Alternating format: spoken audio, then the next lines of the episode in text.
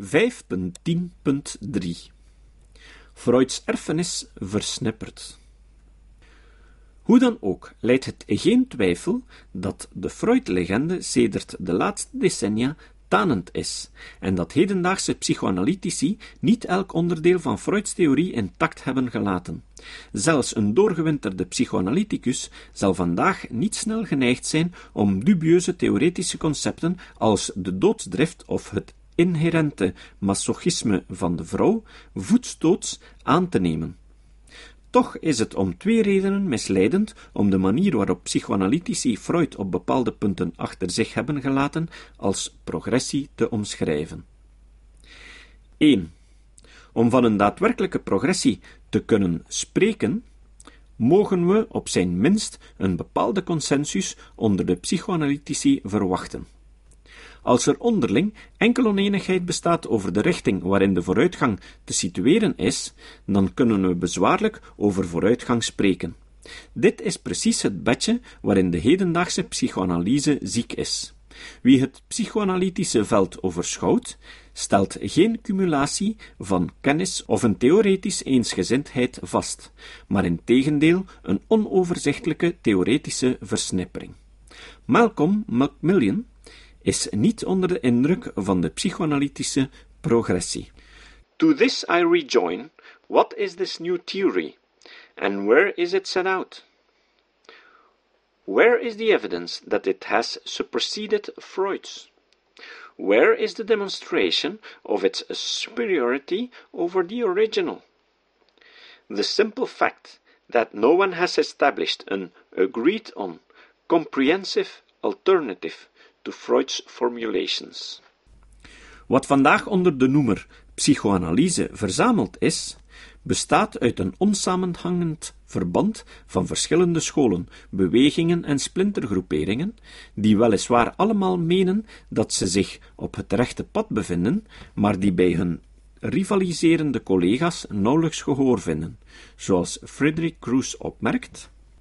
Those who boast of progress are hoping we won't glance past their own table of wars in the ever-expanding bazaar of certified and black market psychoanalysis. Om één globaal voorbeeld te geven, hier op de Gentse Universiteit en bij uitbreiding op een groot deel van het Europese vasteland, wordt de Franse psychiater Jacques Lacan als de grote revolutionair van de psychoanalyse beschouwd, die als geen ander de erfenis van Freud verder heeft uitgebouwd en een grote stap voorwaarts betekende voor de psychoanalyse. In een overzicht van de hedendaagse psychoanalyse echter, beschreven door de kritische psychoanalyticus Maurice Eagle, wordt met geen woord gerept over de theorieën van Lacan. Adolf Grünbaum neemt aan dat Eagle de Lacanianen niet serieus neemt omwille van hun moedwillige obscurantisme en hun pertinente weigering om hun theorieën aan de normale standaarden van wetenschappelijke bewijsvoering te onderwerpen. In de plaats van het Lacanisme bespreekt Eagle ego psychology en object relations theory en self-psychology volgens hem de drie belangrijkste theoretische vernieuwingen in de psychoanalyse. Hoe dan ook, een eenduidige progressie of consensus treft Eagle ook bij deze psychoanalytici niet aan. De verschillende scholen spreken elkaar onderling tegen en wijken op fundamentele punten af van Freuds algemene leerstellingen. 2. De belangrijkste vraag die we ons moeten stellen is uiteraard de volgende.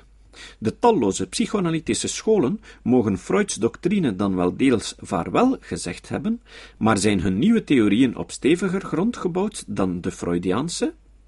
Hebben zij afgerekend met de fundamentele kernproblemen die Freud nooit heeft kunnen oplossen? De conclusie van Morris Eagle is ontnuchterend. The different variants of so-called contemporary psychoanalytic theory are on no firmer epistemological ground than the central formulations and claims by Freudian theory.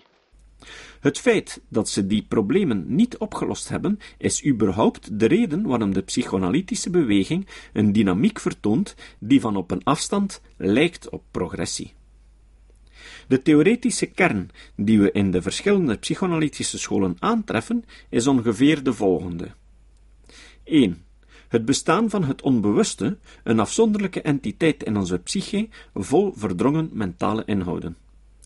2 de epistemische bevoorrechting van de analyticus om dat onbewuste te kunnen doorzien. 3. Het vertrouwen om de methode van vrije associatie en interpretatie om tot dat onbewuste door te dringen. Zoals we in hoofdstuk 3 zagen, heeft Adolf Grünbaum aangetoond dat de centrale psychoanalytische methoden van vrije associatie en interpretatie fundamenteel aangetast zijn door de factor van de suggestie. De resulterende klinische evidentie weerspiegelt enkel de theoretische vooropstellingen van de analyticus.